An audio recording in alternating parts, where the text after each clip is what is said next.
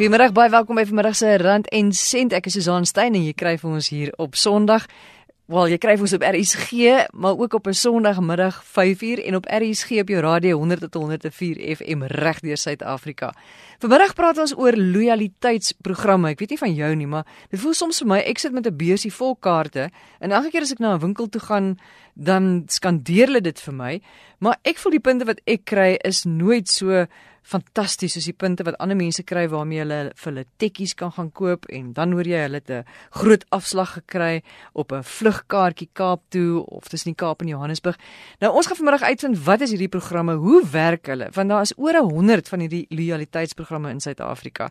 Dan het ons ook ietsie vir die entrepreneur. Ons gaan kyk hoe kom baie sake mense sê koop eerder 'n konsessie of 'n franchise as om 'n onderneming van niets af te begin. Ons gaan kyk hoekom hulle so sê. Nico Louis Mini is by Momentum Multiply. Hy is die hoof van die Multiply loyaliteitsprogram.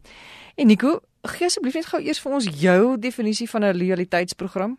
Susan, ek dink daar's daar's 'n verskil tussen 'n 'n standaard loyaliteitsprogram en 'n loyaliteitsprogram wat ook welstandvoordele bied vir 'n kliënt. So 'n gewone loyaliteitsprogram iets soos 'n Pick n Pay Smart Shopper waar 'n kliënt aan die program behoort en gebaseer net op lojaliteit. So die hoeveelheid keer wat jy die voordeel gebruik of of koop by 'n spesifieke supermark kry jy voordele. Lojaliteitsprogram wat gekoppel is is aan aan welstandsvoordele het ook 'n mate van lojaliteit in so die tipe produkte of hoeveelheid produkte wat jy by daai verskaffer het, maar dit gee ook vir die kliënt voordele indien hy sy holistiese welstand verbeter. So dis die dit is verskil tussen 'n gewone loyaliteitsprogram en een wat welstand ingebou het. En ek neem aan hierdie loyaliteitsprogramme is 'n kwessie van die een hand was die ander, want die maatskappy wat dit uitreik baat daarbey, maar ook die die verbruiker baat dan nou ook daarbey. So ek doen jou guns en jy doen my guns. Dis korrek, ja.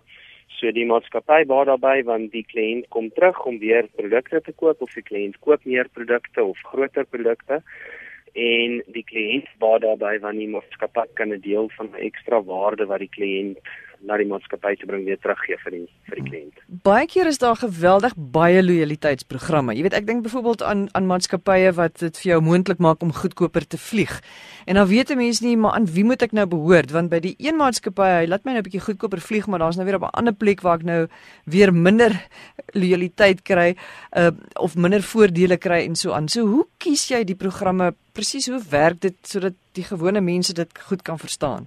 Dit is 'n baie goeie vraag. So die die realiteit is in Suid-Afrika het die gemiddelde verbruiker 5 lojaliteitsprogramme, 5 lojaliteitskaarte as jy wil in sy beursie. Ehm um, in Amerika is dit droweg 7 en 'n half ehm um, lojaliteitsprogramme waaraan die verbruiker daarso behoort. So dit sê vir ons dat daar definitief gebruik van die programme is. Maar aangesien daar meer as 100 programme in Suid-Afrika is, is dit dis heeltemal reg. Is baie moeilik om die programme te kies wat vir jou sin maak. So ek dink die eerste ding wat wat die verbruikers in in gedagte moet hou is gratis programme en programme waarvoor jy betaal. So my my wenk sal wees behoort dan soveel as moontlik gratis programme as wat jy kan, want dit kos jou niks nie en jy kan iets terugkry aan die einde van die dag. Wanneer dit kom by programme waar jy moet betaal vir die programme, moet jy as verbruiker die besluit of die keuse maak of die voordele wat jy op daai program kry in lyn is met jou lewenstyl.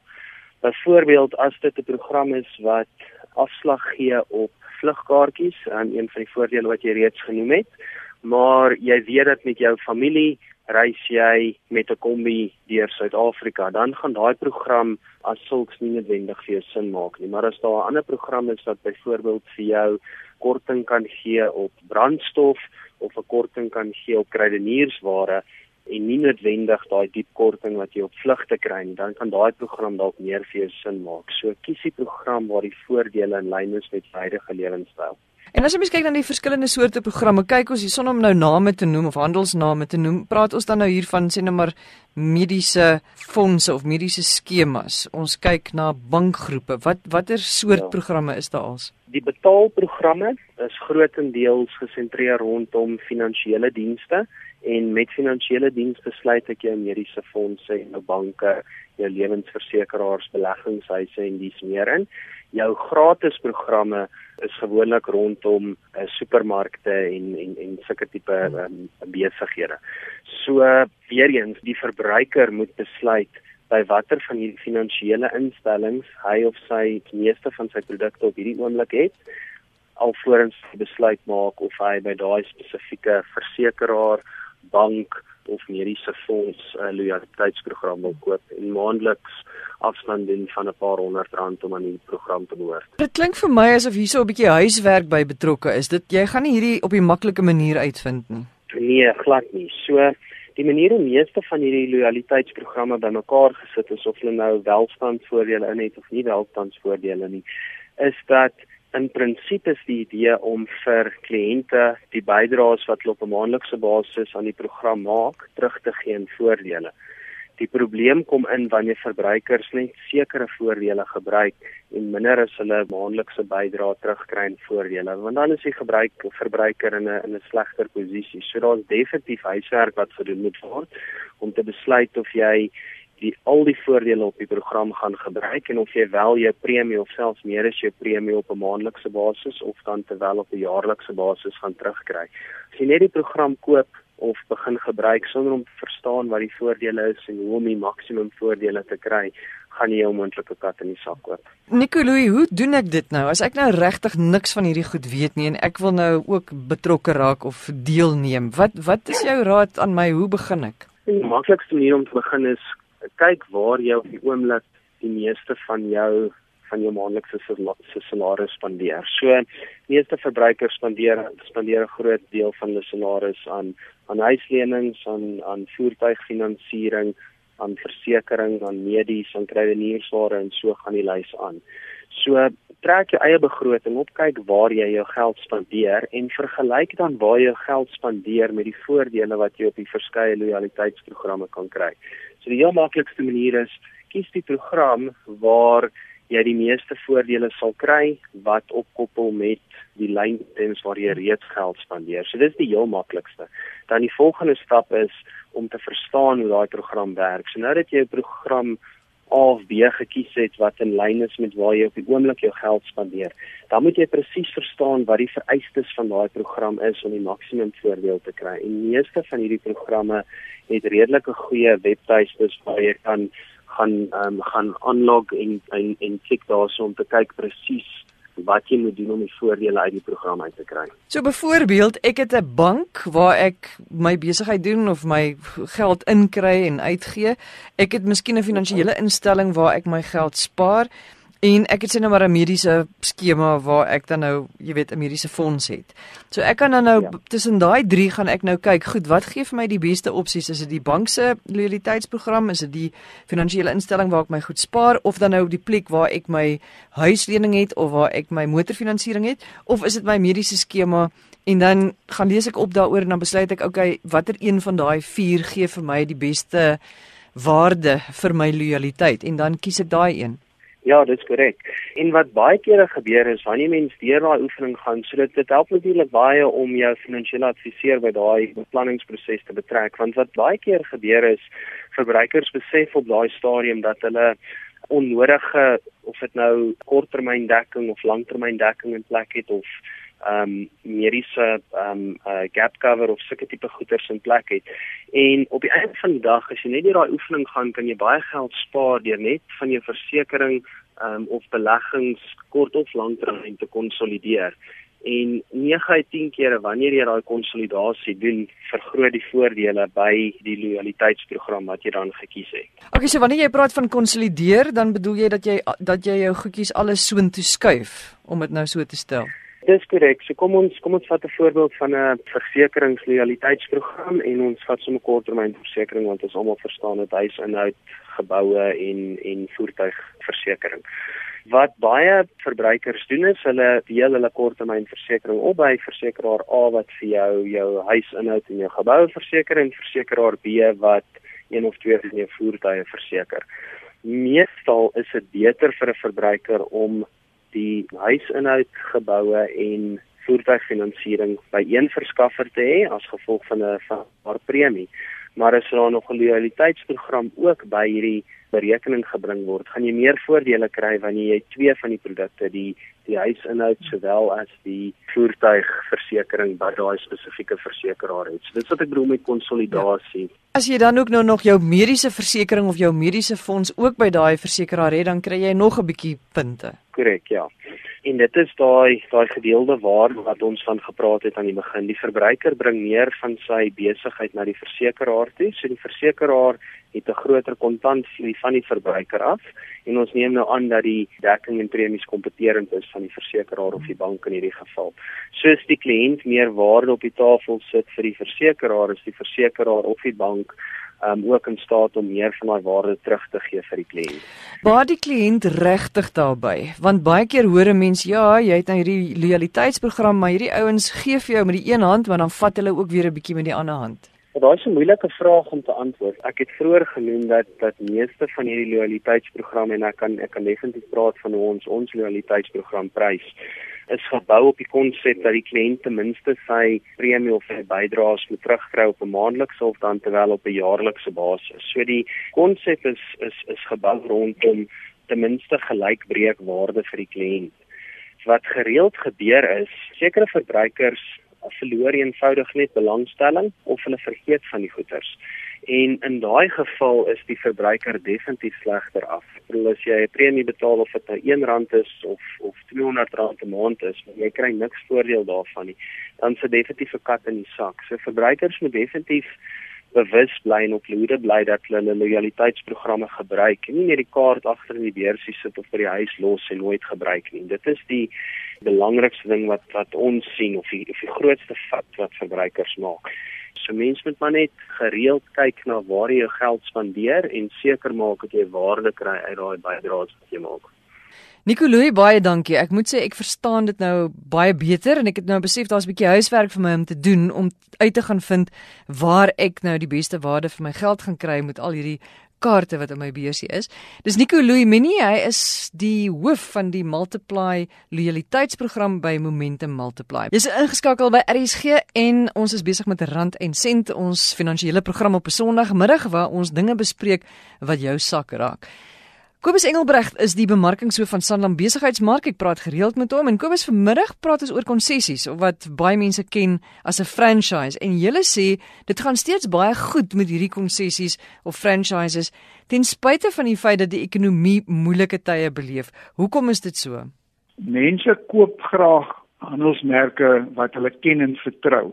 En wanneer dit moeiliker gaan in die ekonomie, wanneer mense minder geld tot hulle beskikking is, sal hulle liewerster iets koop wat hulle ken en vertrou as om te eksperimenteer met met handelsmerke wat uh, hulle nie meer vertroud is nie. So die ou, hy weet wat hy gaan kry.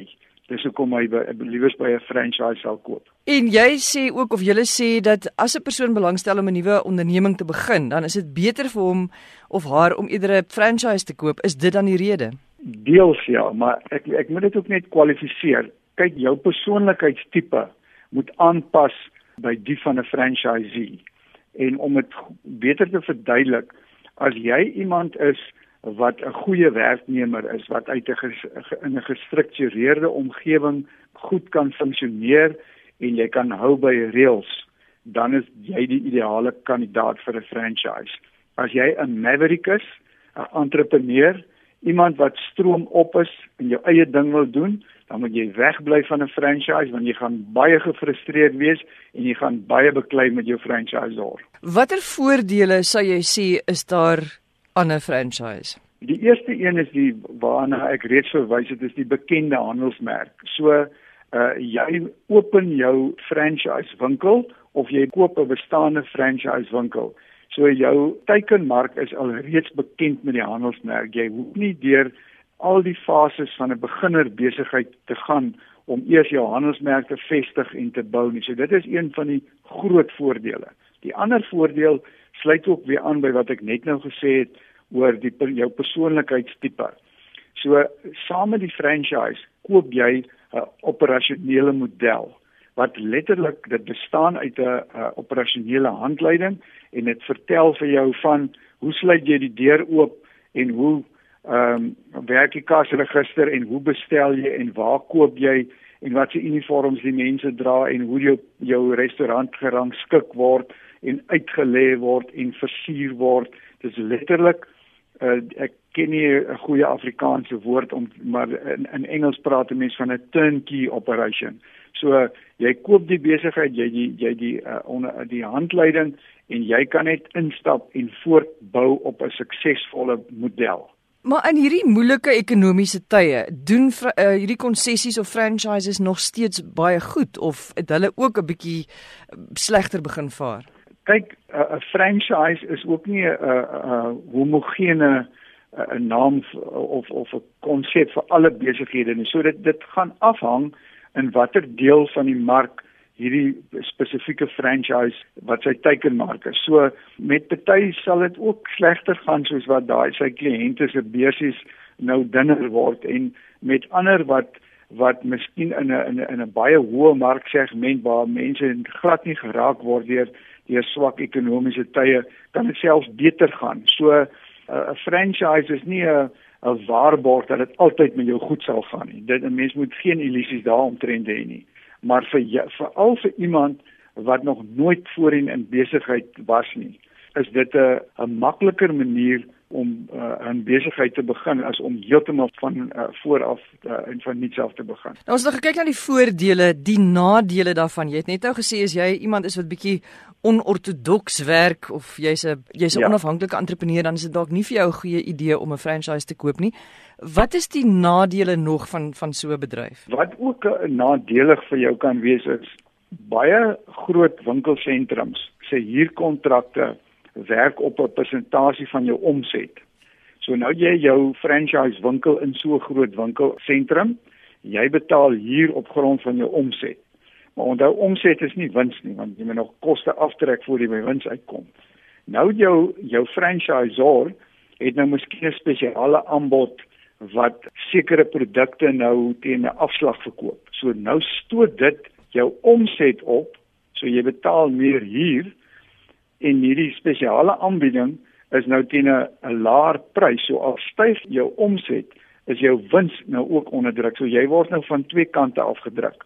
Dit dis die tipe van praktiese realiteite uh, van 'n franchise. So ja, 'n franchise is nie uh, 'n uh, gewaarborgde model tot sukses nie. Daar is nadele ook en 'n mens moet net bedag wees daarop. Sou jy na hierdie gesprek luister en jy dink daaraan om uh, 'n nuwe onderneming te begin en jy besluit goed, miskien moet ek tog maar die pad stap van die konsessie of die franchise.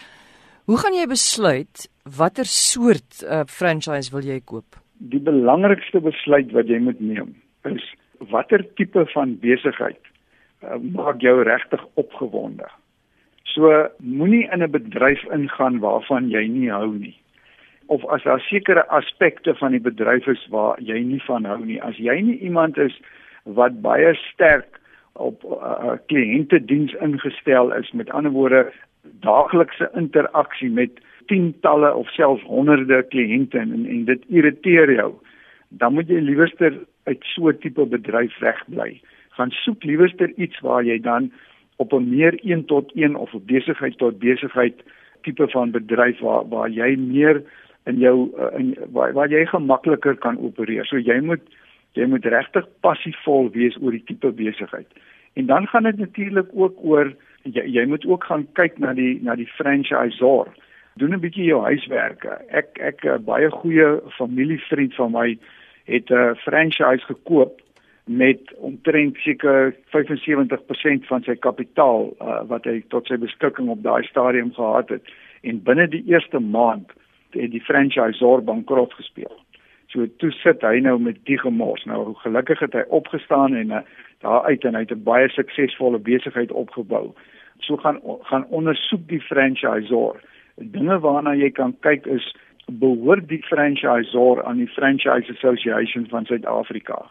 Uh nie dat dit 'n waarborg is dat dit 'n goeie franchisor is nie, maar as hy nie daaraan behoort nie, moet jy uitvind hoekom nie jy wil daarom hê jou franchisor uh, moet in gerekende geselskap wees. So ehm um, jy, jy moet jou huiswerk baie goed doen en dan natuurlik gaan dit ook oor die bekostigbaarheid. Party franchises kos etlike miljoene rande as jy nie al daai die finansiering tot jou beskikking het nie en jy moet gaan leen. Uh niemand gaan vir jou geld leen as jy nie ten minste seker ten minste 50% van die kapitaal self kan neersit nie. So dit gaan ook 'n beperkende faktor wees in die soeke na die na die regte franchise. En dan weer moet jy jou eie ondervinding en kennis ook in ag neem.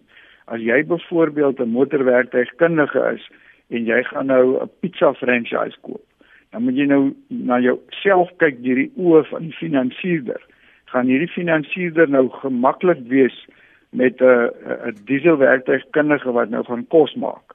So jy sal daai ou moet oortuig dat jy eintlik is dit jou jou stokperdjie om kos te maak. So jy weet eintlik van kos maak. So dis is goed dat mense uh, nou moet kyk.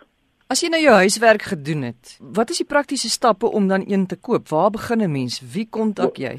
Om mee te begin, die die Franchise Association van Suid-Afrika het 'n het 'n webwerf waar op al hulle lede gelys word. So dis 'n maklike manier om toegang te kry tot seker 90% van al die beskikbare franchises in Suid-Afrika.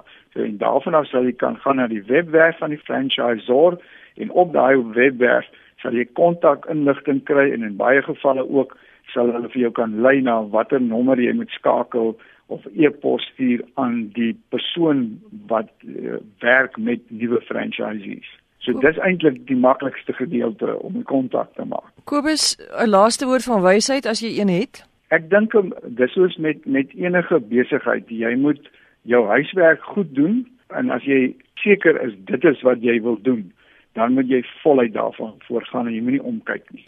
Kobus ek sê vir jou baie dankie. Dis Kobus Engelbregt, hy is die bemarkingshoof van Sanlam Besigheidsmark. As jy na enige van ons gesprekke weer wil gaan luister, dan gaan jy na www.rsg.co.za,